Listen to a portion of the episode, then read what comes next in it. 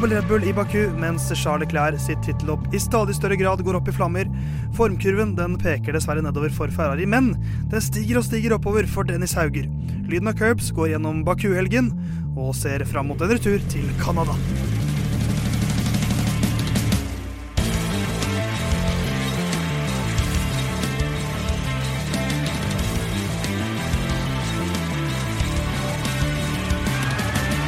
Temperaturen stiger og stiger i eh, Norge og i Oslo og i verden, men lyden av curbs lar seg ikke stoppe av det. Vi er tilbake med vår 16. episode, en eh, double header som vi er i gang med. Men eh, tall 16, ja.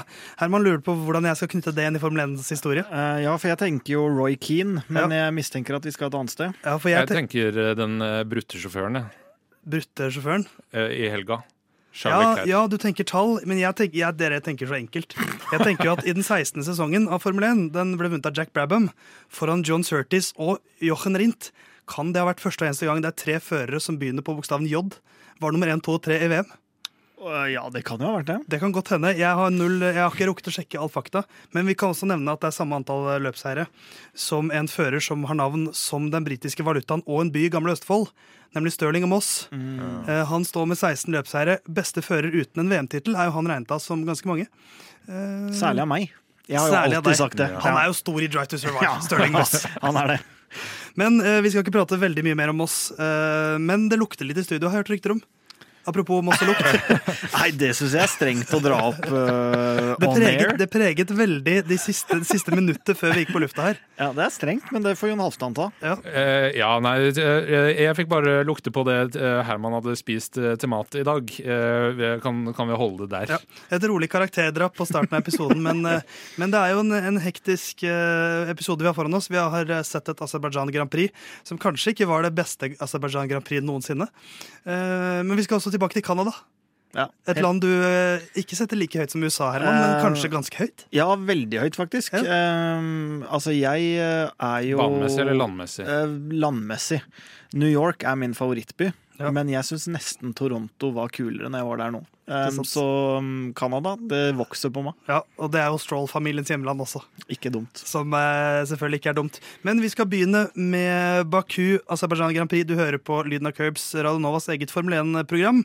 Eh, Jon Halvdan er i studio. Si navnet ditt, Jon Halvdan. Mitt navn er Jon Halvdan Halvorsen. Du altså er Herman. Herman. Og Theis er også her. Vi tar fatt eh, og løper inn i Baku. Eh, det var et løp, det.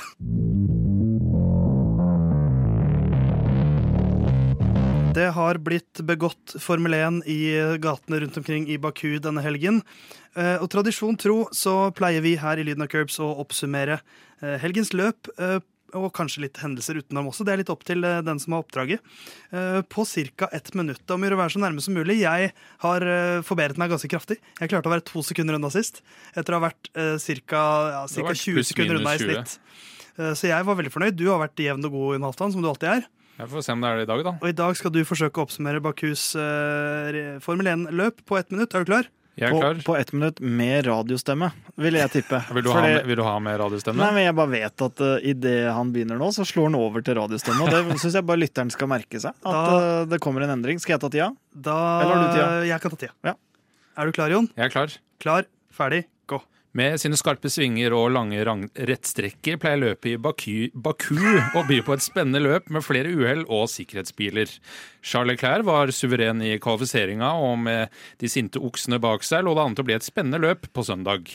Sergio Perez fikk en bedre start enn Leclerc og rykka opp fra andre til første i løpet av første sving. Han satte et høyt og skjebnesvangert tempo da han ledet med over et sekund etter første runde. Da hydraulikken i Carlos Sainz sin Ferrari ga opp, ble den virtuelle sikkerhetsbilen kalt ut. Dermed kunne Leclerc pitse ut av Red Bull-sandwichen han lå i. Det høye starttempoet til Perez hadde kosta han dekka, og han ble instruert om å ikke kjempe mot Verstappen da han kjørte forbi Perez noen runder senere. Leclercs sterke ledelse ble ubetydelig da motoren ga opp på runde 21. Spenning i løpet ga opp sammen med Ferrari-motoren, og Max Verstappen kunne cruise inn til sin femte seier for sesongen. Den stadig solide George Russell kjørte inn til en tredjeplass, men holdt seg for seg sjøl under champagnesprutinga på podiet. Altså, det, var jo, det her var jo eh, Herman, en slags Baku-variant, for det var, så mye, det var så mye safety cars. Virtual safety cars. Ja, det var i denne, det var ikke full safety car, men det var, veld, det var mye virtual safety car her. Ja, det var på Det var gule flagg i sektor 1 og 2 og 3 hele veien. Og det var eh, Jeg likte best uh, Baku. Ja. Men selv om uh, du hadde så mange gulflagg her, Jon Afton, Ja. så var det det som redda deg litt. For du, du, du var to sekunder under. Du var på 58 sekunder. Ja, ja. Hadde det ikke vært for disse gulflaggene, så hadde du vært på, på mitt nivå, på sånn 40 sekunder. Ja, jeg speeda opp litt da eh, eh, da det begynte å gå galt. Så uh... Og så du, så begynte du som Jon Halvdan og avslutta som radiovert. Men det er sånn det skal være. Men bra, ja, ja. Jobba, bra jobba, Jon. Du fortsetter å levere jevnt og godt, du. Akkurat som Max Verstappen, som eh, Altså, det er en voldsomt dytt eh, han er i nå. eh, men et, et løp som, eh, som blir jo ødelagt, fordi eh, Ferrari-bilen er ødelagt, Herman. Ja, altså, min helg, eh, den tok slutt når eh, den eh, Leclerc-bilen konka. Da var det så mørkt, og så slipper de forbi eh, Verstappen like Altså i det rundt samme tidsrom, som ja, bare det, er litt, gjør det det er litt før, da. Så de Ja. racer jo fortsatt Leclerc. Men som bare gjør det Altså, hadde det enda vært Peres da, som lå foran i det Leclerc bryter, så hadde det vært noe, men Nei, det var bekmørkt, men jeg syns jo det er Red Bull som er i dytten, ikke Verstappen. Sånn, altså, det har ikke noe å si sånn sett, men eh, jeg syns jo det er eh, det de klarer å få ut av bilen, begge to, som er det som er imponerende akkurat nå. og Peres har jo sett bedre ut nå, men hadde jo litt dårligere race pace. Og akkurat den eh, forbi, eh, at de slipper Verstappen forbi, det skulle jeg gjerne slakta 100 dager i uka, men eh, det ga mening i det løpet her, syns jeg, da. 100% Men, men for vi må snakke litt om forskjellen Ferrari-Red Bull. fordi at nok en gang så klarer altså Charles Leclerc å sette den Ferrarien på pole. For fjerde gang på rad, og for fjerde gang på rad så klarer han ikke å vinne. Så snakker vi her en bil som er sabla rask over én runde, og en bil som er bare suveren når det kommer til race pace. Uh, ja, altså, og reliability, som det heter på godt norsk. ja, altså driftssikkerhet uh, i Red Bullen er jo litt sånn litt tidlig, Ja, synes jeg. Der sådde ta- vi masse tvil i starten, men det virker jo nå som om det er en mer solid pakke. Ja, men Det virka som det var DRS-trykk unna å ha splitta bakvinger på Red Bullen. Uh, altså, Ferrarien er nok eh, hakket raskere over én runde. eh, bedre på å varme opp dekk, eh, som også koster i race pace, fordi det, den spiser mer dekk også. Eh, og så er nok Leclerc hakket bedre enn eh, begge Red Bull-førerne når det gjelder altså, helt brutal eh, fart i løpet av én runde, sammenligna med eh, Verstappen.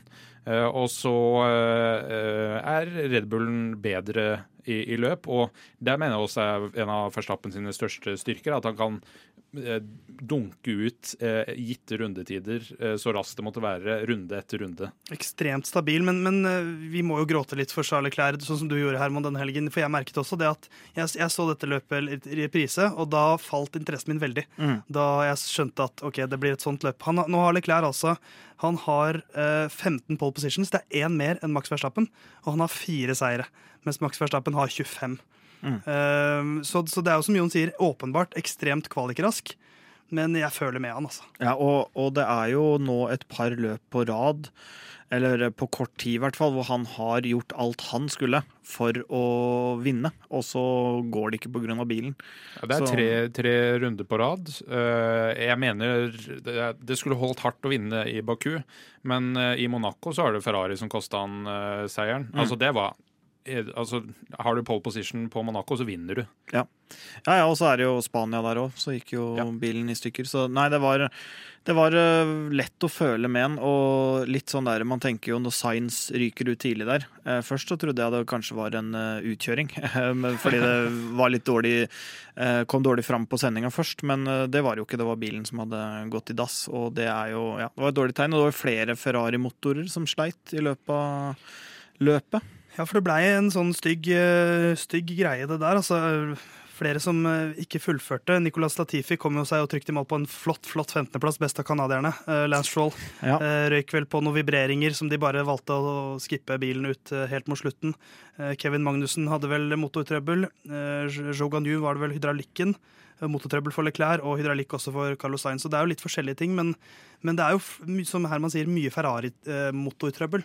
Ja, ja, altså eh, Shogun U den kan man ikke skylde på eh, Ferrari, for det er Alfa Romeo sin designa del. Men eh, Magnussen eh, også nå og i Monaco måtte bryte eh, pga. Eh, motoren. Så eh, det ser ikke så veldig bra ut. Pluss at eh, eh, Mattia Binotto, som er team principal i Ferrari, har sagt at Eh, Vi har en fiks i medium til langsiktig perspektiv, eh, så man har ikke noe umiddelbar løsning på eh, driftssikkerhetsproblemet. Og det fortsetter de sånn her. Altså, det er bare noen runder vi snakker om 80 poeng eh, sving fra å lede med eh, rundt 40 poeng til å nå eh, ligge bak med rundt 40 poeng. Så det er jo ikke eh, veldig, det ser ikke så veldig bra ut eh, for eh, Ferrari. Og hvis ikke de får, som vi sa også da Red Bull brøt eh, for andre gang på tre runder, eh, hvis ikke de får orden på eh, problemene, så stikker ja. sesongen ifra. Og nå, nå er vi jo dypere inn i sesongen. Vi har kjørt ca. en tredjedel av løpene. Red Bull som lag har 279 poeng, Ferrari 199. Mm. Det er 80 poeng forskjell. og eh, vi snakket jo også om at dette kan bli et eh, tett løp mellom tre stykker i toppen, men nå har Verstappen plutselig 21 poeng å gå på til Peres og ganske mye mer til, til Charles Leclerc. Så for spenningas del så var ikke dette en god helg. Nei, jeg tror jo Red Bull kommer til å skyte ifra nå. Um, og jeg Og så kommer Mercedes på slutten, Ja, det tror jeg. for Det har en plan. Ja, de har en plan. De kommer på slutten, det tror jeg absolutt. Men uh, ikke sånn at det kommer til å bli noe reell spenning om noe. Men jeg tror Red Bull bare kommer til å fortsette å, å skyve ifra. Og jeg syns jo i Formel 1 generelt at det her med andrefører er litt oppskrytt. Det kan godt være kontroversielt å mene, men jeg syns ofte det virker som at altså, er en, eh, man er avhengig av seg sjøl og sånn. Men sånn som det har vært nå, da, hvis, eh, hvis vi holder eh, på den teorien om at Ferrari kan liksom være matche Red Bull på de aller raskeste rundene, men ikke race pace, så ville det vært ekstremt viktig for Leclerc å fått Science helt opp der. For hvis de skulle kunne starte på første- og andreplass, P1 og P2, som vi liker å jåle oss er til å veldig si, glad i det P- Ja. P-bokstaven i så, Formel 1. så ville jo Red Bull måtte passere to biler da, i hvert fall for å få seieren. Så det, hvis, det, hvis Ferrari skal kunne liksom kjempe med Red Bull her, så tror jeg de er helt avhengig av at Science eh, klemmer til og finner en voldsom form. Ja, Strategisk messig så er jo andreføreren viktig også fordi eh, sånn som her, da, hvor Leclerc endte opp i utgangspunktet da, i en situasjon der han var én mot to, så var det jo bare en uh, forsinka radiobeskjed som gjorde at ikke Peres pitta samtidig som han, da det ble eh, virtual safety car under eh, etter at eh, måtte bryte.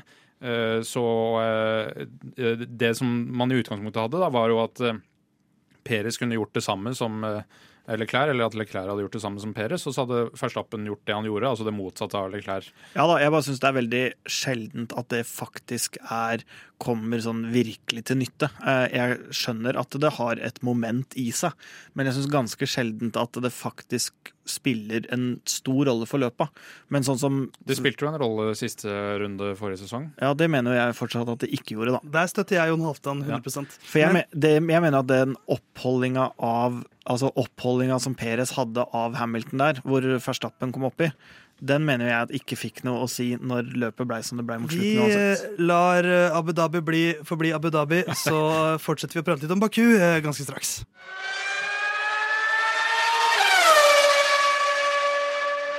Det var topplaga. Eh, Vi må jo selvfølgelig hylle Formel 1-feltets kjedeligste mann for tiden, nemlig George Russell, som kommer seg til en tredjeplass. Det er jo imponerende i all sin kjedelighet. Ja, det er jo det. Det er jo 25 sekunder bak eh, Peres, eh, og Den får han jo fordi Eh, Ferrari DNF-er ganger to. ja, og da så er det hva da, 26 sekunder foran Hamilton. Så det er eh, eh, i, i no man's land, kan man si. Han er denne sesongens eh, Carlos Sainz. Da han var på sitt beste i McLaren og bare liksom surra rundt i fjerde-femteplass hver eneste gang, og så så man han ikke. Ja. Han bare var alltid med der. Dårlig for sponsorene til Mercedes at det eneste gangene de vises, er når de hopper rundt på banen. Ja. så det vi selvfølgelig solid levert av George Russell, men et veldig godt løp også av Louis Hamilton, må vi si, Herman. Ja, ja, absolutt. Og um, Jon Halvdan på andre sida av bordet her, han uh, spekulerte jo under løpet at uh, Hamilton kunne gi seg. Altså, Det var ikke så rart å tenke det, med tanke på rapportene som kom og at han hadde vondt i ryggen og, og sleit. Men uh, jeg var ganske sikker på at det, den seige, gamle mannen han kommer til å holde ut. Eh, det er godt levert, men jeg tror samtidig at det der ryggregnet er litt overspilt, altså. Jeg tror eh, Så du da han gikk ut av bilen? Ja, men Tror du det var samtidig spill for galleri? Ja, litt. Eh, Jeg tror det. Narrativet her er jo at Og det er sikkert eh, konspiratorisk for all del, men altså de hoppeproblemene med bilen, det er jo ganske mye diskutert nå, også fordi Hamilton eh, så ut som en 90 år gammel fyr eh, som eh, prøvde å karre seg ut av bilen etter løpet. Han er 37, bare for å få nevnt det. Ja, ja, men det er jo hoppinga rundt i Hva var det de snakka om? Spikes på sånn 5-6 G, altså opp og ned. Det er jo selvfølgelig ubehagelig. Eh, men dette er jo Mercedes også som prøver å få på plass en blanket-regel, sånn at det påvirker alle bilene, ikke bare eh, Mercedes. Men de får jo støtte her fra det er, jo flere Vi skal prate mer om bildesign osv. senere, i en annen episode. Men, eh, men eh, han får støtte fra eh, Pierre Gasly, for eksempel.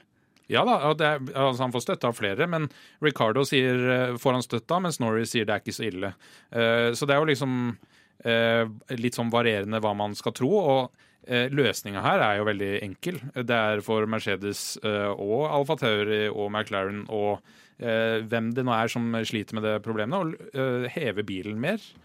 Eh, Så vil de slippe ristinga. De vil tape rundetid, men de vil slippe ristinga. Men nå er det jo altså det er jo folk som har utvikla Formel 1-bil i mange år, og som kjenner gamet fra innsida. Eh, Så selvfølgelig, når det kommer regelendringer, så må man jo forholde seg til det, men samtidig så er det sånn jeg tror ikke liksom man bare kan si at de må heve bilen og så tape tid. Og så, de er jo allerede over et sekund bak på, på flere kvaliker. Sånn at det er jo ikke liksom ja, bare hev bilen og være kjør tre og et halvt sekund etter Red Bull. Liksom. Det er jo ingen som vil det. Så, så det blir jo en veldig sånn sammensatt greie. Men øhm, når det tilsynelatende går litt på førernes sikkerhet da, og helse, så tenker jeg jo at man har et, øh, et poeng. Ja. Men øh, det der, øh, akkurat hva de regelendringene og sånn har ført til, tenker vi å ta og blåse stort opp. Så jeg tenker vi setter eh, strek for eh, bouncing-debatten denne gangen og kan eh, gå videre nedover på lista for Mercedes. OK helg. De, Ja. har, den, de har den tredje raskeste bilen, ferdig snakka. Eh, og på plassene bak så følger jo Gasly, Fettel, Alonso, Ricardo, Norris og Ocon. Eh, Hvem, eh, jeg, hvem skal vi begynne med? Fettel? Fettel. Ja. Legenden som uh, spant rundt uh, på en 100, tok en 360 der. ja, den var fancy. Og fortsatte tilbake og, og kommer seg inn på en sjetteplass. Ja, han, han hadde nok ikke hatt den sjetteplassen hvis han ikke klarte å snu så fort. Nei, for han det- var jo på vei rundt uh, inn i runoff-området der. Var det i kvalik at Lennon Norris kjørte ut i samme svingen og brukte ca. tre minutter på å snu bilen? Ja, Var det det samme stedet i F2-løp, eh, sprintløpet, at eh, Dennis Hauger ikke valgte å gjøre samme manøver og gikk i veggen i stedet? Det kan vel stemme, ja. Men, eh, men Fettel fortsetter. Ja, han gjør det. det er jo, jeg har jo tatt Aston Martin under vingene. Det er jo på en måte mitt lag. Jeg har glemt capsen i dag, faktisk. Ja, det er krise. Uh, ja, det er litt krise. Men uh, nei, det er jo veldig kult. Uh, jeg savner jo litt de her laga som skal klare å virkelig slå unna fra. Eh, tidligere, sånn som forrige sesong, så fikk man jo noen sånn veldig overraskende løpsvinnere og sånne ting. Eh, det har vi jo egentlig ikke vært i nærheten av nå. Det er jo sånn at eh, de løpa som får overraskende vinnere, blir jo gjerne helt sinnssyke. da, sånn at eh, Det har jo ikke vært sinnssyke løp. Det må jo skje noe, altså bowling i Ungarn Ja, eller altså en ja, eller annen sånn ja. eh, løsning for Helt at klart. man skal få liksom, de resultata. Men jeg savner fortsatt, jeg savner fortsatt de resultatene. Selv om jeg vet at ikke de kommer så ofte i løpet av en sesong, så føler jeg at en, en virkelig bra Formel 1-sesong trenger et par sånne løp med noen rare race winners. Men jeg tror femteplass egentlig var på bordet for Fettel. Altså den grønne Red Bullen, som den jo eh, kalles, eh, Aston Martin, den, eh, den ser mye bedre ut nå enn den gjorde i Det var vel spesielt i Spania, da de kom med den nye oppgraderinga. Og Fettel ser liksom mer ut som litt sitt gamle, gamle jeg. Mm. Eh, fortsatt noen tabber. Det, det var veldig rar, den der utkjøringa han så, fordi Ja. han var forbi. Eh, hadde god tid til å bremse, men valgte å bremse seinere likevel. Det, det, Det det var sikkert fordi han mista oversikt da, og Ja, helt ikke stola på han han kjørte forbi. Men jeg har jo også, når vi ser ned på lista, så ser jeg jo både Alonso, jeg ser eh, Ricardo, og jeg tenkte på det når jeg kjørte opp til studio i stad, at alle de Formel 1-førerne er fullstendig psycho. Altså, det, og det sier jo seg sjøl, de har jo nådd dit uh, av en grunn. De kjører i 350 km i timen, og samtlige sier at de er, helt, uh, de er null redd for å dø. Altså, Noen ting er logisk, men altså, hvis man ser sånn som Ricardo da når han ligger bak Norris i starten, så er det liksom Han ligger og klager og 'jeg skal forbi' og alt mulig. Helt sånn der, eh, på en måte idiot, da. Og så, kommer, så bytter de plass, og Norris bak Ricardo, like idiot. Ja, nei, de, de er jo brødhuer, men, Ja. eh, men vi må jo Altså, Aston Martin de er oppe i ryggen nå på Has, samme poengsum, 15 poeng. eh, Og de er liksom De har klart altså Williams dessverre fortsatt jumbo, men uh, Aston Martin, eh, i hvert fall for Fettels del, peker veldig oppover nå. Ja. Eh, Men eh, flere som hadde det gøy her, det var jo Fernando Alonso. Fortsetter å kødde rundt og forsvare seg godt. Den er kvaliken eh, hans. Eh, jeg vet ikke om du så det, Theis, men jeg diskuterte iallfall med Herman. Det var noe Nico Rosberg i Monaco over å kjøre ut i, på vei ned mot langstrekket. Å, jeg er bremsa for seint. Skaper gulflagg og dermed sikrer posisjonen sin. Det er ikke bare jeg som stusser på det, det er noen førere også. Det resulterte ikke i noe straff eller noe, men eh, Alonso vet hvordan systemet fungerer. Han gjør det. det. Det er jo en av de som på en måte er helgens ukens sjuking. Jeg syns også at den eh, herlige MacGyver-løsningen på vingen til Yuki Sunoda Ja, må, er- må vi nevne. Det er, Og alle trodde at nå, nå ryker den bilen ut. Og så fram med gaffateipen, kjør videre. det er noe med det når du bruker 150-160 millioner euro på å utvikle bil, og så er det gaffateip som gjør at du kan fullføre løpet. Det syns, det er noe eh, veldig romantisk over det. Hvor vingen altså brakk i to, nærmest. Ja. Og, eh, og de fikk fiksa den, og han fullførte jo. Ja, ja. Så, som er smått utrolig. Men flere vi må, For du nevnte Ricardo, jeg har lyst til å nevne han litt. For han uh, slår jo Norris. Og uh, litt sånn på tross av McLarens strategi, hvor de eh, de dolker jo eh, Ricardo litt i ryggen her strategisk i Ja, ja. starten. Hvor eh, de jobber for en, hva var det, en overcut for eh, Norris. De forsøkte seg på, og så gikk ikke det. Og så spolerer de egentlig løpet til eh, Ricardo litt, så får de begge bilene på poeng, og så ser det greit ut. Men, eh, men jeg syns ikke vi skal glemme det, i og med at vi har vært såpass negative mot Nei, Ricardo. Nei, Han var ålreit den helgen her. ja, Ja. absolutt. Og det er jo altså Hvis man kommer eh, dårlig ut av en sesong Altså jeg, har, jeg er jo veldig glad i Christian Gauseth, tidligere Mjøndalen-spiller. og han har sagt i en podkast at det absolutt eneste som kan ødelegge Eller som kan fjerne liksom en ukultur da, og dårlig trend og sånn, det er en seier. Og det kan jo overføres til en god eh, prestasjon her, da. For det, seier er jo ikke realistisk for McLaren sånn det er nå. Men Sånn, eh, med så- poeng altså på plassen foran Norris, er det jo som en seier. Ja, det er det jeg mener. Sånn at det, det kan godt hende det her var det som på en måte fikk han ut av den sumpa, da, som, eh, Ja. som han har vært litt i. Akkurat som Monza-seieren i fjor. Kanskje ikke akkurat som Monza-seieren. Nei, men uh, vel blåst uh, Big Rick. Uh, skal vi se litt på hva vi tippa, eller?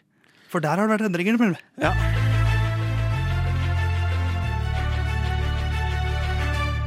Vi har en uh, tippekonkurranse her i Lyden av Curbs, hvor vi tipper topp tre og Ukens sjuking. Ukens sjuking der vi forsøker å spå en rar ting. For eksempel som hvis man hadde klart å spå at Sunoda sin vinge blir fucka. Da hadde man fått mange poeng. Cirka tre. Uh, vi kan gå kjapt gjennom resultatene. Det blir jo da Verstappen uh, som vinner foran Sain uh, Perez og eh, Russell. Eh, og der har eh, vi jo eh, en Herman som tippet Perez, Verstappen, Russell. Mm. Så du får seks poeng. Ja. Eh, det er ganske bra. Det er bra. Eh, men det er en Jon Halvdan her som fikk Verstappen og Peres spot on. Han hadde Leclerc på tredjeplass. Ti poeng. Det vil si at han tetter luka, Herman. Mm. Han er to poeng bak nå. Ja, han gjør det. Eh, Men samtidig så er det jo sånn at man må velge om man skal tippe dødskjedelig eller litt spennende. Eh, Jeg eh, Du syns velger jo det på Ukens sjuking. Dødskjedelig. Ja, også litt spennende på den andre, så jeg, går litt, det går litt mot sin hensikt, egentlig, det jeg holdt på med. Jeg traff greit, jeg òg. Jeg traff på Verstappen, så hadde jeg fem poeng der. Og det var det jeg fikk, for jeg hadde Sainz og Leclerc på plassene bak. Så vil si at jeg tar fem eh, poeng på det. Ukens sjuking, der traff vi ikke, rett og slett. Eh, Herman, du hadde Hamilton som vinner. Han ble nummer fire. Ja. Schumacher fullfører topp åtte, Jon. Åssen syns du det gikk?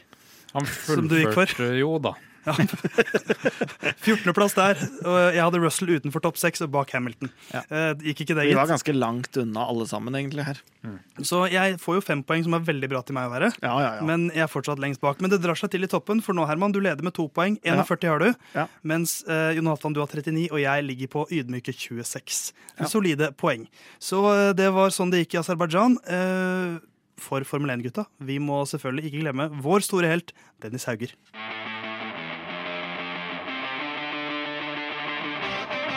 Dennis! Dennis! Dennis! Dennis, den. Nei, er... Selvfølgelig er det Herman som ja, du, du skal liksom være folkelig, Herman. Ja, men du er ikke at- med på allsang. Nei, jeg tenkte med en gang at her hiver jeg meg med, Ja. og så trakk jeg meg i blir det, tide. og det er det verste, for Jon er med. Ja, Selv om han ikke syns det er kjempegøy, så er han med. Men uh, uansett, Dennis Hauger, herlighet. Han har gjort det igjen, og nå har han vunnet et featureløp, altså et hovedløp.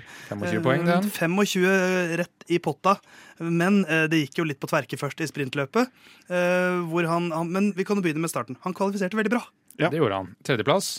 Uh, imponerende kvalifisering. Uh, sprintløpet ikke så imponerende. Nei, Nei, det var jo for så vidt ikke så krise, men han havna jo en sånn han prøvde vel å snike seg inn på en uh, sånn treerfight. Eller altså, det blei han og to andre biler. Han ble og, jo for utålmodig. Ja, men i utgangspunktet så var han jo for feig i noe av forsvaringa og fikk jo beskjed av eh, veldig dårlig start. Ja, men han fikk jo beskjed av teamet at uh, 'get your elbows out', Ja. og det gjorde han. Så når han da etterpå skulle prøve å passere en eh, det annen var, bil ikke, det var ikke elbows out heller, det var mist huet. Ja, da, det er sant, men eh, med albuene ute.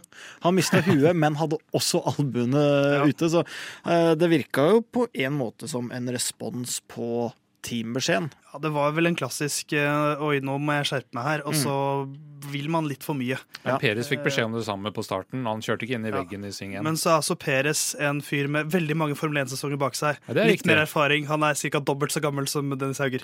Ja. Eh, men eh, ferdig med sprintløpet, så kommer jo featureløpet, hvor han starter i, i, i tredje startposisjon. Eh, og, eh, og greit, han var litt brennheit i sprintløpet, men eh, det var et kaotisk løp, og han holdt hodet kaldt.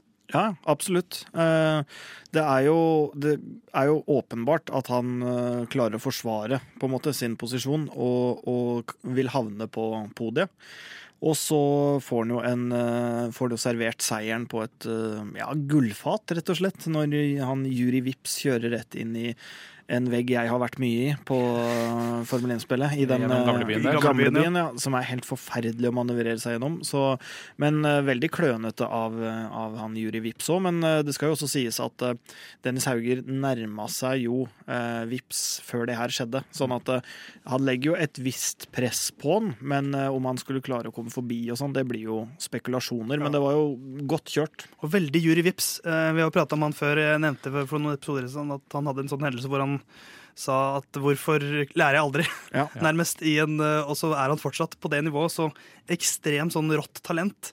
Men, eh, men litt for heit i huet. Og det var jo eh, Altså, han hadde podiet inne i det løpet. Den seieren er litt heldig, men det er, så snakka vi også om i forrige episode at du må uh, ha et kaldt hode i Baku. Ja. Uh, og det ble veldig godt synlig i, i featureløpet i, i, i Formel 2. Og nå er vi altså der at gjennom de to siste rundene uh, i Formel 2 så har Felipe Drogovic tatt flest poeng, men Dennis Hauger som den med nest flest poeng. Så plutselig har han snudd det. Nå er han på femteplass med 55 poeng. Eh, Felipe Drogovic selvfølgelig fortsatt suveren leder med 132. Men, eh, men det her kan gå Jeg tror ikke han vinner, men hvis dette fortsetter, så er jo podiet mulig. Ja, altså Hvis det fortsetter, så kan han jo vinne. Ja, ja, ja. Tror ikke, Han er ikke i posisjon til det nå, men han kan jo faktisk vinne. Og Men- det, det syns jeg vi skal tviholde på som nordmenn. Ja, Målet må være å komme forbi Daruvala, i alle fall, som Ja. er eh, oss i Red Bull Akademi. Være best Red Bull-fører eh, i Formel 2. Så blir det en ny sesong eh, i Formel 2, eh, tror jeg. Så det, det må liksom være Ja, minstemålet. ja, ja. Og så er det jo litt sånn symbolsk her òg, fordi det er jo ehm, en Red Bull-fører han uh, klarer å vinne over da, når Vips krasjer ut der. Det er jo han som fikk eh, kjøre Formel 1-treninga for, uh, for Red Bull og sånne ting. Så på en eller annen måte så konkurrerer han jo også med han mer enn uh, på Formel 2-asfalten, eh, som er den samme som Formel 1-asfalten. Ja, Den er kanskje litt kaldere, da, i og med at de kjører ofte tidligere på dagen. Jeg tror den var varmere her nå. Ja, det var, det var den kanskje. Men, men det som er verdt å nevne, da, er at han er jo eh, Logan Sargent hadde et par Formel 2-løp i fjor, så han er den beste av de som er debutanter. Eh, Nå er han fire poeng bak Logan Sargent også, så hvis vi kaller de to for de beste debutantene, da, Mm. de som er i sin første fulle Formel 2-sesong, så, så, så ser det her veldig veldig bra ut. Vi, var, vi har vært kritiske mot Dennis. Mm. Husker hva vi sa var det etter Catalonia, hvor vi var såpass skuffa? Ja, Ja, da var det 'gjør det bedre', var Jon Halvdan sin utgang på den. Og han hørte på meg. Han har gjort det bedre siden. Um, så nå er det jo en liten eh, løpspause der. De skal eh, i gang igjen i Silverstone. Eh, de, er et, de er vel Det er vel Silverstone hvor de når halvveis i sesongen. Eh, så jeg, må, jeg vet ikke hva, hva forventet dere av Dennis Hauger før denne sesongen?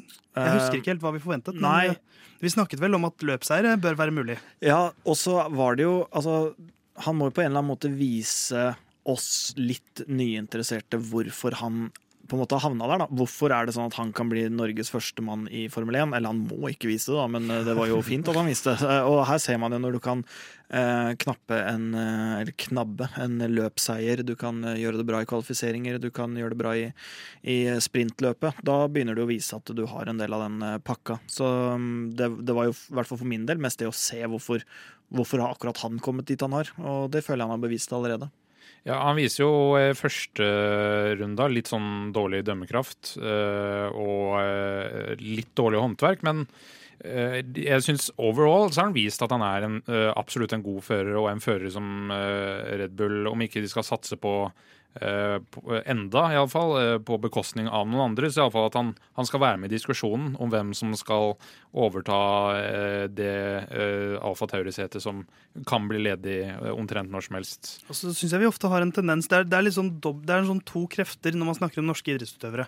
Du har de som hyller det sånn kategorisk. Og så har du de som skal dra det ned og si at nei, det her er ikke noe stort. Det er bare vi i Norge som hauser dette opp fordi at det er en nordmann.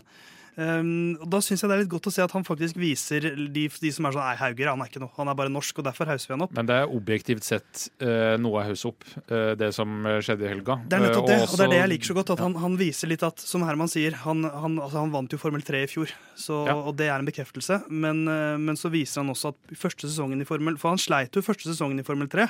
Mm. Eh, han sleit i starten i Formel 2, men han viser Han tar det her mye kjappere da Ja, enn det- overgangen til Formel 3. Og det er jo eh, også positivt at han ikke trenger en sesong på å få det til i Formel 2, fordi det han har vist eh, til nå, er jo liksom nok, eh, eller burde iallfall være nok til ja, det blir en ny sesong i Formel 2. Eh, Om han ikke vinner, da. For da får han jo ikke lov å kjøre en sesong til.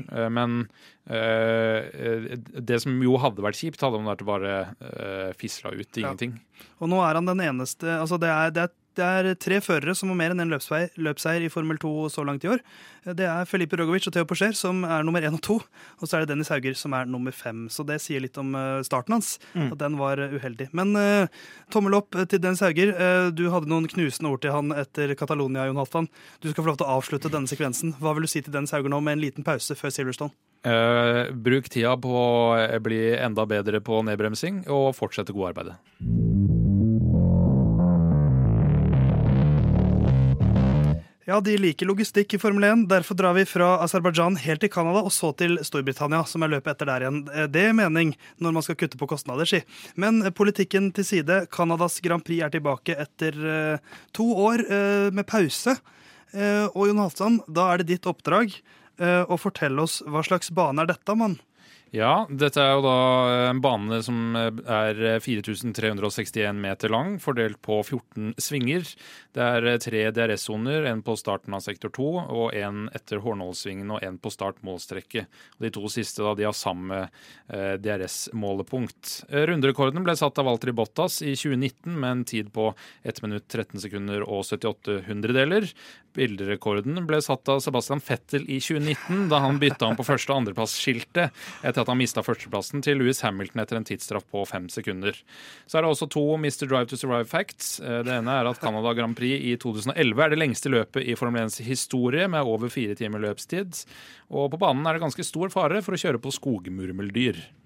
Fort gjort, det. Ehm, Så det er jo en, ehm, en eh, bane som har vært med en eh, stund, det her, Herman. Hva, hva syns du om Canadas Grand Prix? Eh, Jeg har omtrent ingen referansepunkter. Jeg. Eh, Det var, må ha vært eh, første sesongen jeg begynte å se på Formel 1, at eh, jeg så Canada Grand Prix, og det husker jeg neimen ikke. Det har vært for mange Ja.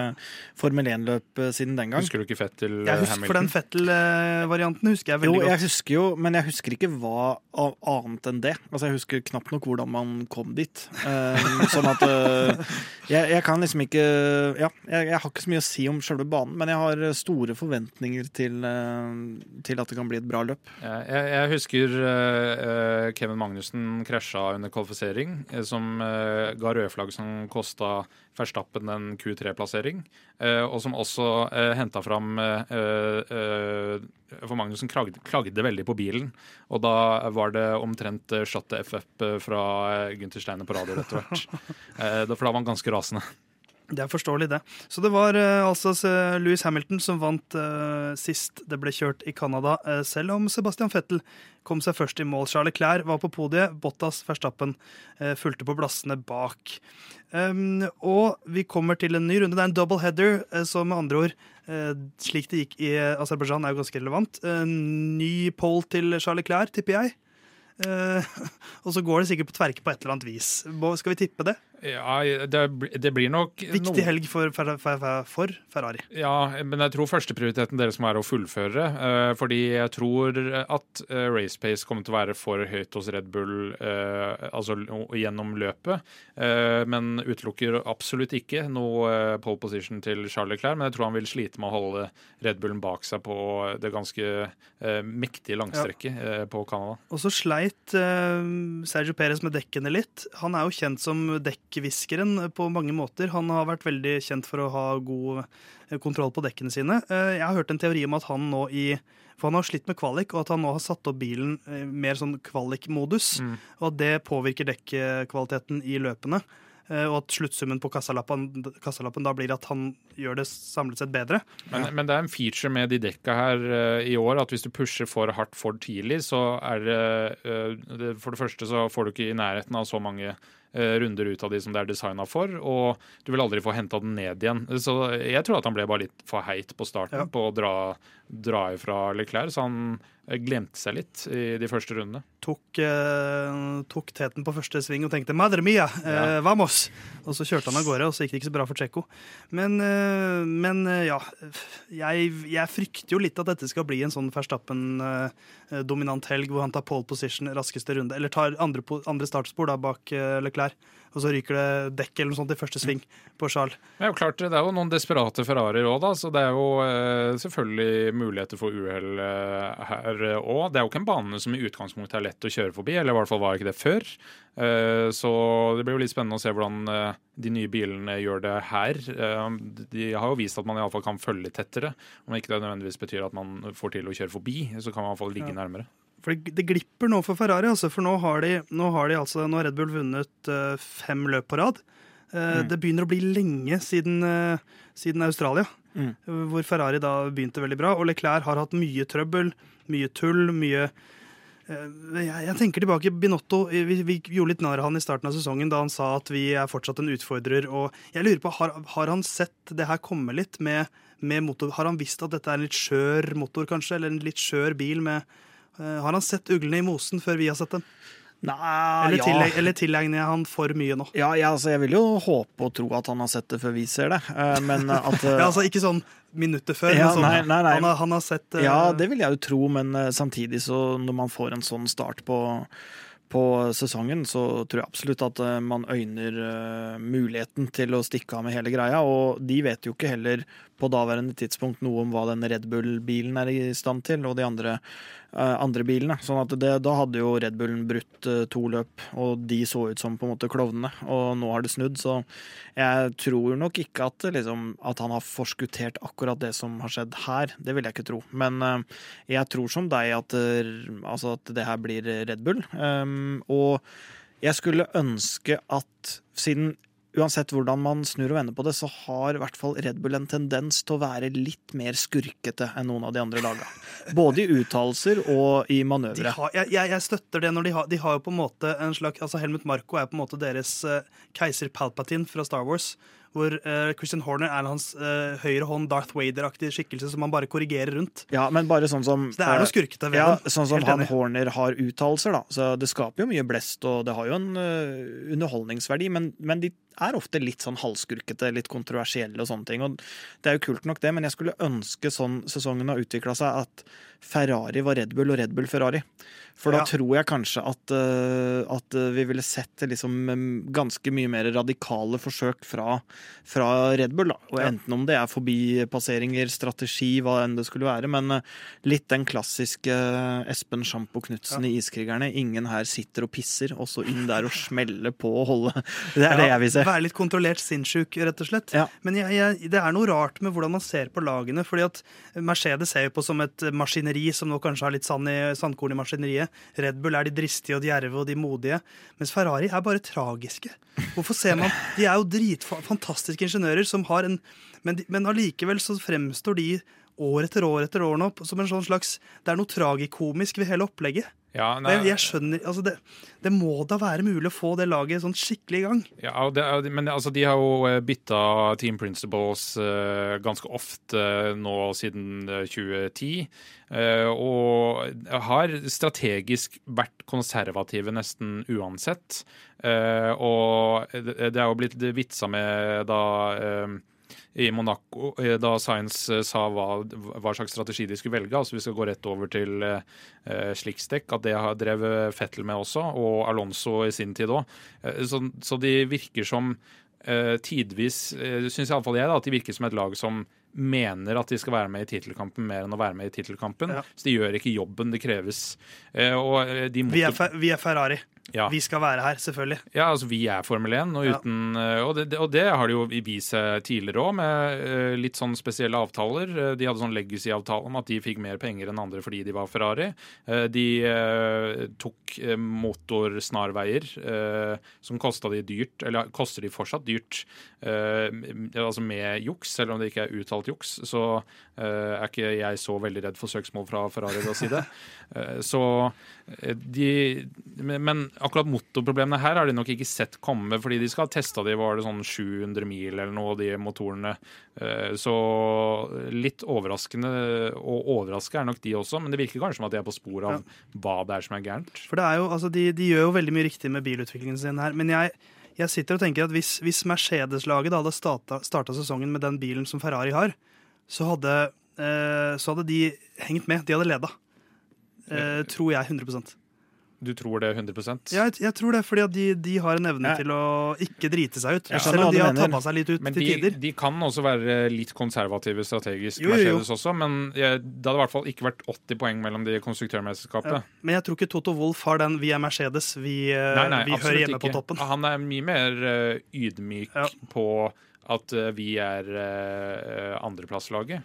Men de fikk seg nok en knekk i fjor. Ja, Og så fikk de seg en knekk i ryggen til uh, Louis nå i helgen, hvor uh, også Toto Wolff omtale, omtalte bilen som I know it's a shitbox to drive, eller noe sånt, i postkommentaren hans til, til Hamilton. Så nå har han også omtalt sin egen bil som en shitbox. Ja, er selv om det er tredje raskest i feltet. Ja, Veldig motiverende for de 1200-1500 ansatte i Brackley, selvfølgelig. Å få høre at de har utvikla en shitbox-bil. De jeg, vet jo. Ja, jeg tror ikke akkurat at, uh, at det er noe problem. Uh, for de Nei, måler seg opp mot uh, seire, og når Ja. ikke det gir seire, så vet alle det. Uh, og den politiske kampen, uh, den uh, kampen i media, det tror jeg, jeg tror ikke de bryr Nei, seg jeg, noe jeg, om det. tror, jeg, tror, jeg tror de på Altså, det er jo ingeniørene dette er flaut for. De vet at de eh, at lista ligger der oppe, og når man da Ja, ja. hopper under den, så, eh, så holder ikke det.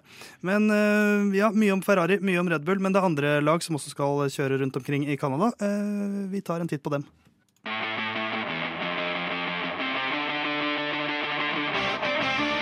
Da er det på tide å gi litt plass til de andre lagene også. Eh, Vi nevnte jo Mercedes, vi kan godt eh, hoppe over dem. For de kommer til å være tredje raskest. De kommer til å være på et sted mellom tredje og sjetteplass. Men jeg tror det blir en tøff eh, tur eh, for Hamilton også denne runda. Fare for det. Eh, Det er jo eh, kanskje ikke god timing på den doubleheaderen her, eh, med masse reising også samtidig. Nei.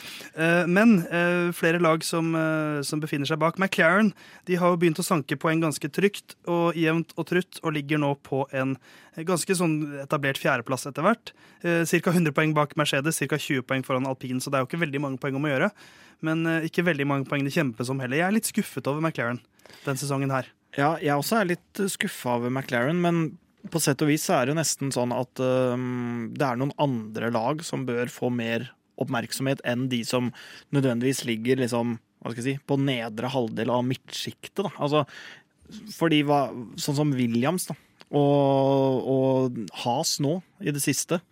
Um, altså, hva, hva, hva er egentlig funksjonen deres i, i Formel 1? Altså, jeg synes, altså McLaren og sånn, ja, de holder på å utvikle litt bil og får noen resultater, men jeg skjønner ikke hva Williams driver Nei, for, for, for Williams For sånn som Williams sin plass nå føler jeg er eh, litt, litt sånn rart når de også har, har eh, en paydriver, men et talentlag. De bør, de bør jo Kan ikke de bli for Mercedes det Alfa Tauri er for Red Bull? Altså, det, altså de, de bør få bort han Latifi, kanskje. Selv om Ja. jeg liker han eh, rent personlig. Eh, Det skjer nok før du tror, Ja, Tess. ja du, jeg vet ikke helt hva jeg tror, men, men at for sånn som Albon har jo en fin plattform der til å gjøre sånn som George Russell og kjøre veldig stabilt og fint og, og kommer seg greit ut av det. Har tatt et par poeng her og der med den dårligste bilen i feltet. Mm. Eh, men så tar de jo da opp en plass også med, med Latifi som surrer rundt der. Ja, også, men det er liksom litt sånn Men jeg er sånn enig i at, at jeg, jeg ser liksom ikke helt sånn has nå. Eh, også sånn som altså Alfa Romeo og Bottas gjør jo en kjempejobb, men sånn som Zhou har jo hatt kjempetrøbbel siste tiden. Mye biltrøbbel, selvfølgelig. Eh, skjønner- det er en del lag det lugger litt for. Men jeg skjønner ikke åssen Williams er liksom i den situasjonen her For det så, det eh, så ut som de var ganske solid på vei framover i fjor, syns jeg. Eh, ja, ja I forhold til de, de årene før, uh, hvor det var liksom null poeng. Og, Ja, de, de var nærmere noe, Ja, det er jeg enig i. det så ut som om pila pekte riktig vei, men nå har det bare stoppa opp. Men de, de har jo hatt så lang tid og kan neglisjere Altså, de utvikla jo omtrent som has ikke noe bil til fjorårssesongen for å nettopp prioritere bil, bilen denne uh, sesongen. Og likevel så er de liksom bak der og surrer, og nå begynner liksom Nå kan man ikke skylde på Claire Williams uh, lenger heller. Eh, fordi nå er de, de er kjøpt opp av det her Dorlington Capital og eh, skal liksom være en bedre outfit, altså bedre rigga for å gjøre det bra. Og det eh, har de til gode å vise, da. Hva syns vi om eh, Aston Martin, da? For de ligger jo nest sist, eh, men er jaggu Det er bare på hva skal man si, countback mot, eh, mot Has nå. Uh, Et lag som fortsatt er et sånn lite lag, uh, men som har veldig store planer. Men vi skal til Canada, og vi har slakta Latifi litt. Det går ikke så bra med Lance Stroll heller, ass. Nei, det går veldig dårlig. For nå begynner jo Fettel å vise at det er litt potensial i den bilen her. Ja, altså, jeg, jeg spår de at de kan komme forbi eh, alpinen, eller i hvert fall eh, Alfa Romeo, hvis nå, med bilen de har nå. Men de, altså, de har et De har ett anker. bein. Ja, de har et anker i Lance Stroll, som er selvfølgelig Den plassen er hans så lenge faren eier laget, men ærlig talt. Men det er jo også En ting er jo at eh, sånn som Lance Stroll og for så vidt Latifi ehm, ikke nødvendigvis er de beste førerne. Det er greit nok, men de er heller ikke superdårlige. Men nå er, det jo, nå er de nødvendigvis ikke de beste førerne, og de virker til å være i en dårlig form eller ha en dårlig selvtillit eller en dårlig flyt. Og da begynner det å bli, liksom, da det å bli kritisk. Om, for sånn som Stroll har jo faktisk en del resultater å vise til. Ikke nødvendigvis det helt store, men han har vært en jevnt OK fører. Ofte i en ganske er, god bil. det er å Ja, for- se veldig positivt på det, Herman. For har han noen gang liksom vært Han har en tredjeplass fra Baku Ja, i et av de gærneste løpa i Men- Formel Ja, men sånn som hvis du makker han opp mot Fettel i fjor, da, så var han jo, Jo, ikke veldig mye dårligere, men, på en måte. men har han noen gang vært, vært bedre enn eh, sin makker i laget han har kjørt for? Ikke at jeg husker ja. tilbake, men jeg, altså sånn, Nei, det er et riktig, jeg skjønner spørsmålet, ja. Det, det gjør jeg. Men, men det er sånn Hva skal jeg si Hvis han, ha, hvis han akkurat er god nok til å forsvare den plassen, da, på en måte, så må, det jo, så må det på en måte tilsi at det er når han er på sitt beste. Og hvis han nå kanskje er eh, på nedre halvdel av hva Ja. han har å by på, da begynner det å bli veldig problematisk. jeg, jeg tror nok det bor mer i han, og det, og det laget er jo Stroll. Så, sånn sett er han jo essensiell for, for det laget. Uh, Mick Schumacher har jo også eh, vi, det er jo en som vi fortsetter å slakte, med rette. Mm. For det, det, det skjer ikke så Det går ikke så bra. Eh, mye feil og mye retiring, men eh, noen ganger ikke hans feil, men ofte hans feil. Eh, men også store problemer i Has-laget, som begynte veldig bra, men som nå Ja, og, og, bare butter, butter imot. Og der er det også litt sånn at man, sånn som jeg, da, ikke mm, skjønner helt mekanismen i hvordan det på en måte har Litt på samme måte som ikke jeg helt skjønner hva Williams driver med rundt omkring nå. Så, så er det sånn, hvordan kunne det snu sånn for Has? Og de så jo bra ut i, på kvalik i Spania. Da så de sånn ordentlig bra ut, eh, med begge to i, eh, som kom inn til, i Q3. De, Sånn bare at, eh, showa, de showa fordi de visste at Norges største Has-fan eh, var på plass. Så ja, det kan være. da måtte de tyne det Ja, siste det, ut ja, ja. Ødela sesongen der. Nei, men det er sånn, ja, det er en veldig rar tendens i det. Um, Det spørs om ikke målstreken har flytta seg litt, og så har ikke Has flytta seg etter. Det kan det være. Jeg tror jeg nok at det eh, ligger eh, noe der. Eh, og ja, jeg håper at de Det er liksom viktig da for Formel 1 at det er ti lag som tar det her seriøst. uh, og det høres jo litt flåsete ut å si, selvfølgelig, men, men sånn som Has har jo ikke tatt det seriøst de siste sesongene. Nei. Og nå har de i forkant av sesongen gjort det. Eh, men, men nå må vi liksom begynne å levere igjen, da. Eh, for ellers så tar det seg liksom dårlig ut, fordi hvorfor tar dere opp en av de ti plassene? Ja, jeg liker ofte å dra inn fotballsammenligninger, og det blir på en eller annen måte allerede nå fra start, i, eller tidlig da, i Formel 1-sesongen, så er det nesten sånn at man har de der laga midt på tabellen som ikke kan rykke ned og ikke kan uh, kvalifisere seg til Europa eller vinne ligaen. Det er liksom en del sånne lag som bare ligger Ja. der, og det føler jeg er fryktelig merkelig mekanisme i en idrett som det er. Det blir, veld, det blir jo noe veldig sånn amerikansk over det, hvor det ikke er noe Du taper ikke noe annet enn verdighet på å ligge nederst. Eh, og penger, da. Men, du, men du, du er med neste år også, hvis du bare er liksom oppfyller kriteriene. Mm. Så, så får du være med neste år også. Så jeg, jeg savner jo at, eh, at det står noe på spill for de nederste lagene, annet enn liksom sånn eh, penger. Uh, at sånn For penger motiverer ingen. Nei, nei, nei, nei men sånn, sånn det er jo, altså En båndkamp i en fotballdivisjon kan Ja, jo være ja, fantastisk spennende fordi at det står så mye på spill. Mm. Uh, mens nå er det liksom for Williams når de, de er bare Jeg tenker aldri på Williams. Nei, men, men, I, det et, er, I en løpshelg tenker Nei, nei. nesten aldri på Williams. men det er jo litt sånn Får du et øh, sånn helt sinnssykt løp, da, så kan liksom Haas eller Williams eller hvem det måtte være, fullføre på øh, pallen. Og da er det liksom Ja, da er sesongen deres godkjent, øh, så da trenger vi ikke gjøre noe mer. Fordi det er så tett der nede at øh, 15 poeng fra eller er til har sinnssykt mye å si. Men jeg føler nesten at de ikke kan komme på pallen i et sinnssykt løp heller. Jeg føler at uh, McLaren og Alfa Tauri og litt sånn De kan klare det, men at uh, Haas og Williams ja, men faktisk si de ikke kan. fire, fire beste lagene var ute, da. Ja, Hvem er det som øh, har størst sjanse for å vinne? Fernando Alonso, kanskje? ja. ja, ja Ocon har vunnet løp, da. Eh, altså Fettel. Ja. Så har du fylt pallen der, da. Nei, så, men det, det, jeg, det jeg tror jeg savner litt mer fra de båndlaga, er det som Williams har gjort et par ganger her med, med, med eh, Albon. eh, som, som gjør at Da skjønner jeg litt deres plass. Når de er sånn Vet du hva, Albon, nå skal du kjøre hele jævla løpet Ja. på ett par dekk, Yes. og så bytter vi. Vi ser om det funker. Ja. Da skjønner jeg at de har en plass. Fordi at da tilfører de noe litt annerledes. ja, helt enig. Eh, og det syns jeg Og det kan man si, hvorfor gjør man ikke det hele tiden? Jo, fordi at statistikken viser at det er treigt. Men da OK, men da prøver du noe annet da enn Mm. å bare bli nummer 17 uansett. Det savna jeg litt under pittinga i Baku òg, selv om eh, Jon For alle Halvdan- pitter samtidig, og det er liksom to strategier da du har. Ja, men, Jon, jeg- Jon Halvdan påpekte jo når jeg eh, mente at noen burde gått over på medium eh, når de pitta i Baku, eh, så syns jeg de burde Altså at noen lag kunne prøvd medium i håp om å få en safety car, da. Og da ligge bak de Red Bullene på raskere dekk. Men de kunne vært mer slitt, og jeg skjønner jo risikoen. Men det er litt synd at ikke noen prøver. Nå gjorde jo Ricardo det, da. Ja, men det er litt for Ja, det er jo fordi det var strategien hans, å gå Mm. fra harde til mediumdekk. Eh, Men eh, det er Eller i hvert fall da, da, på det tidspunktet, så er det jo eh, for tidlig å gjøre det. eh, fordi du brenner opp dekka før du liksom kommer til perioden hvor du har raskere dekk. Hvis det skulle være safety car fire runder etterpå. Men derfor hadde det vært litt morsomt hvis noen av de der litt dårligere laga gjorde det òg. Sånn at For, eh, for, for det, er sånn, altså, det verste som kan skje, er at du blir nummer 18 istedenfor at du blir nummer 13. Uh, Ja, ja. Hvis du kjører liksom den beste strategien på papiret. Men hvis Ja. du, altså, litt flere Hail Marys, for å ta et amerikansk fotballspråk, savner jeg fra båndlaga. Ja, ja, helt klart. Ja, men det, og det, men, eh, altså eh, Yuki var jo inne og eh, teipa bakvingen til en 13.-plass. De kunne jo bare brytt han, det hadde jo ikke hatt noe å si. Eh, men eh, eh, så, så mer eh, strategisk eh, villmannskap, kanskje. Eh, men det er liksom De er litt triste i laga uansett. Ja, så eh, vi får håpe på noen utroligheter. Eh, Kanskje en ukens sjuking eh, vi treffer med. Vi skal videre til tippinga vår for Canadas Grand Prix.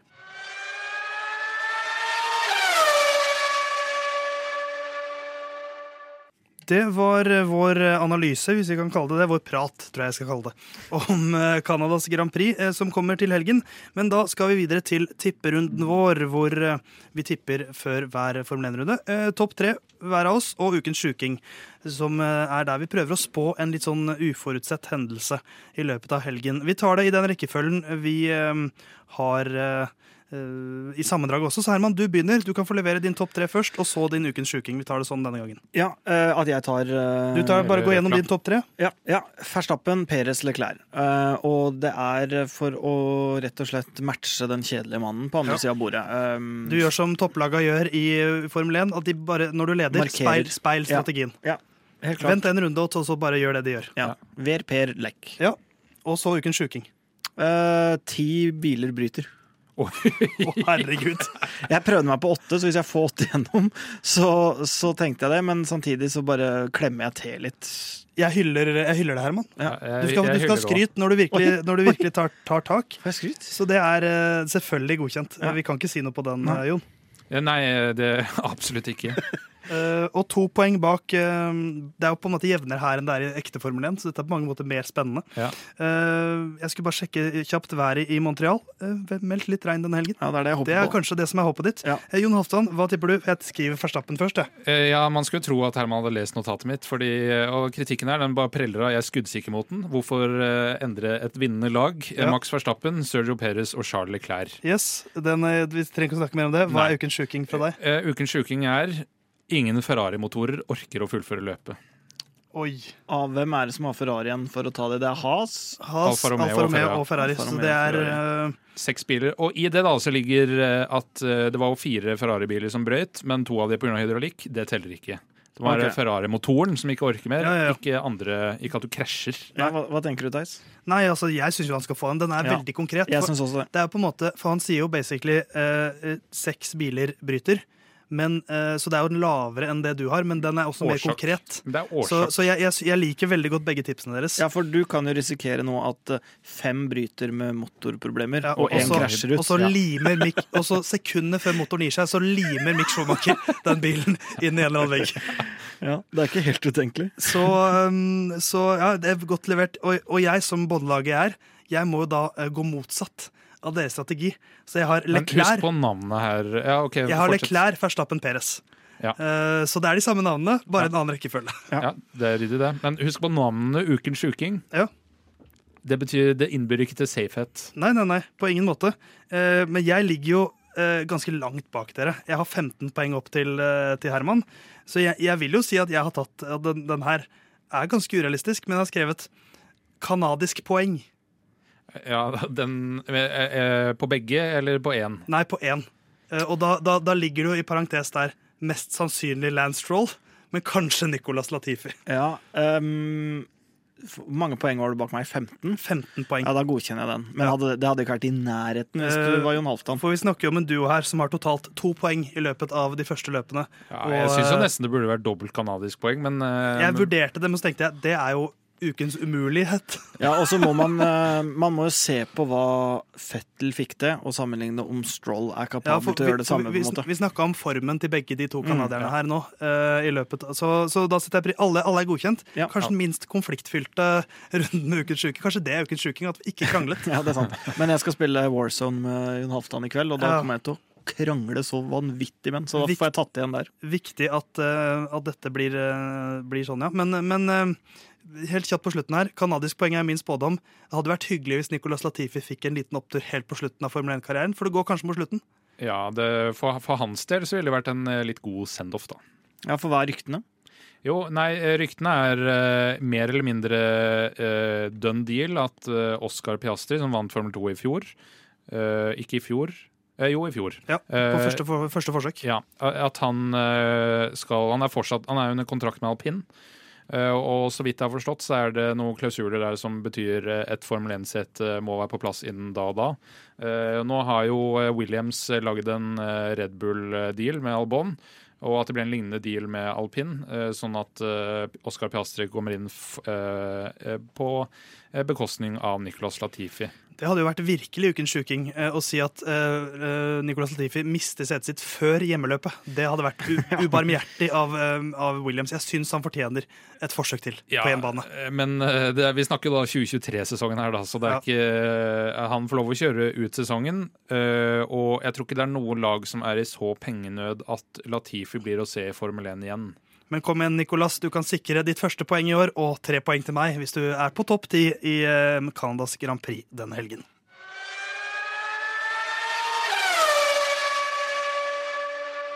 Dagens episode av Lyden av Curbs drar seg mot slutten, men eh, vi har jo prata litt om Formel 1-kalenderen og hvordan den ser ut, og hvilken land som er med, og hvilke land vi vil ha bort. Og så har vi vel alle en slags naiv drøm om å N- Norway Grand Prix.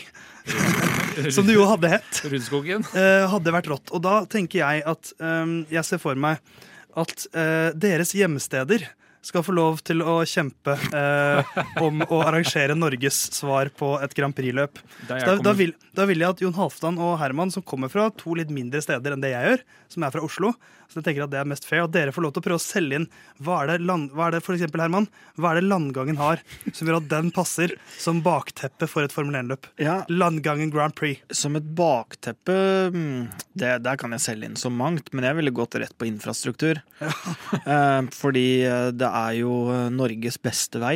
Ligger jo å gå gjennom langgangen. Den nye Altså Ikke Atlanterhavsveien, for eksempel, Nei, der James nei. Bond har vært. Nei, men altså den faktisk beste veien, sånn rent eh, effektivitetsmessig, går der. Kunne man brukt noe av Hva, den? hva er det du snakker om nå?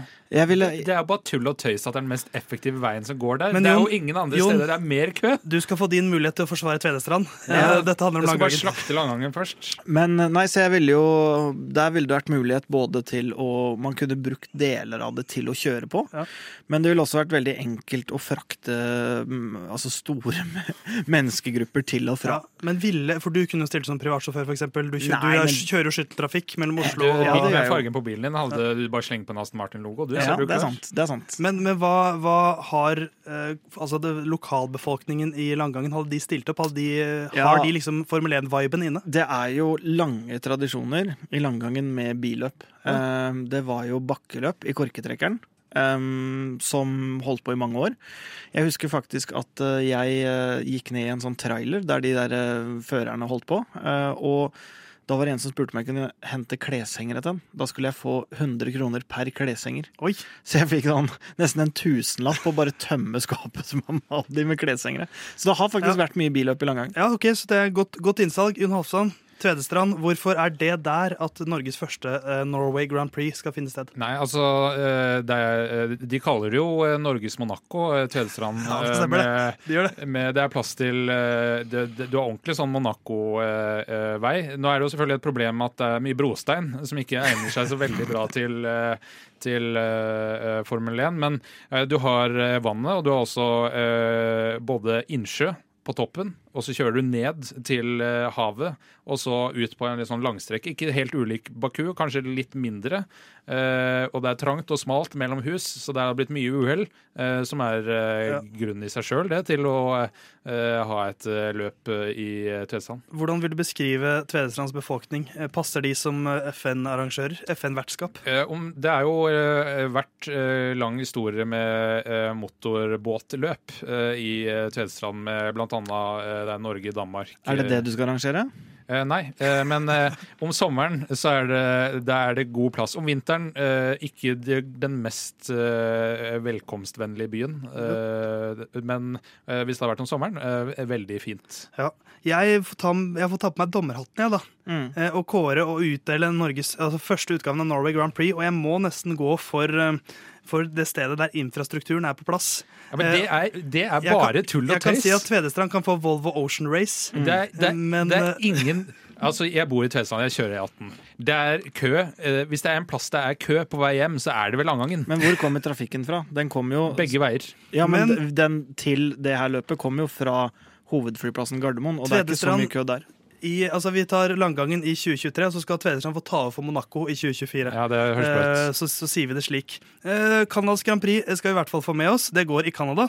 Eh, har du noen tider, eh, Jon Halvdan? Det har jeg, hvis du gir meg uh, et Det er jo øyeblikk. litt tidsforskjell. Jeg tror kvaliken starter klokka ti. faktisk. Norsk, altså 22.00. Ja, altså FT1 starter 20.00 på fredag. Uh, Kvalifiseringa starter 22.00 på lørdag. Og uh, så starter hovedløpet klokka 8 eller 20.00 på søndag. Da vet du det, og da sier vi takk for følget. Og Canada, gi oss et godt uh, Formel 1-løp, da. Eh, så er vi tilbake med forhåpentligvis en ny god episode av Lyden av Curbs neste uke. Eh, følg oss på Instagram. Lyden av Curbs heter vi der. Og hvis du liker Formel 1, og, og du prater om Formel 1 med en venn, og du hører på oss, si til den vennen at du burde høre på Lyden av Curbs. Det er bra greier. Uh, vi er tilbake neste uke. Eh, kos deg med Canadas Grand Prix.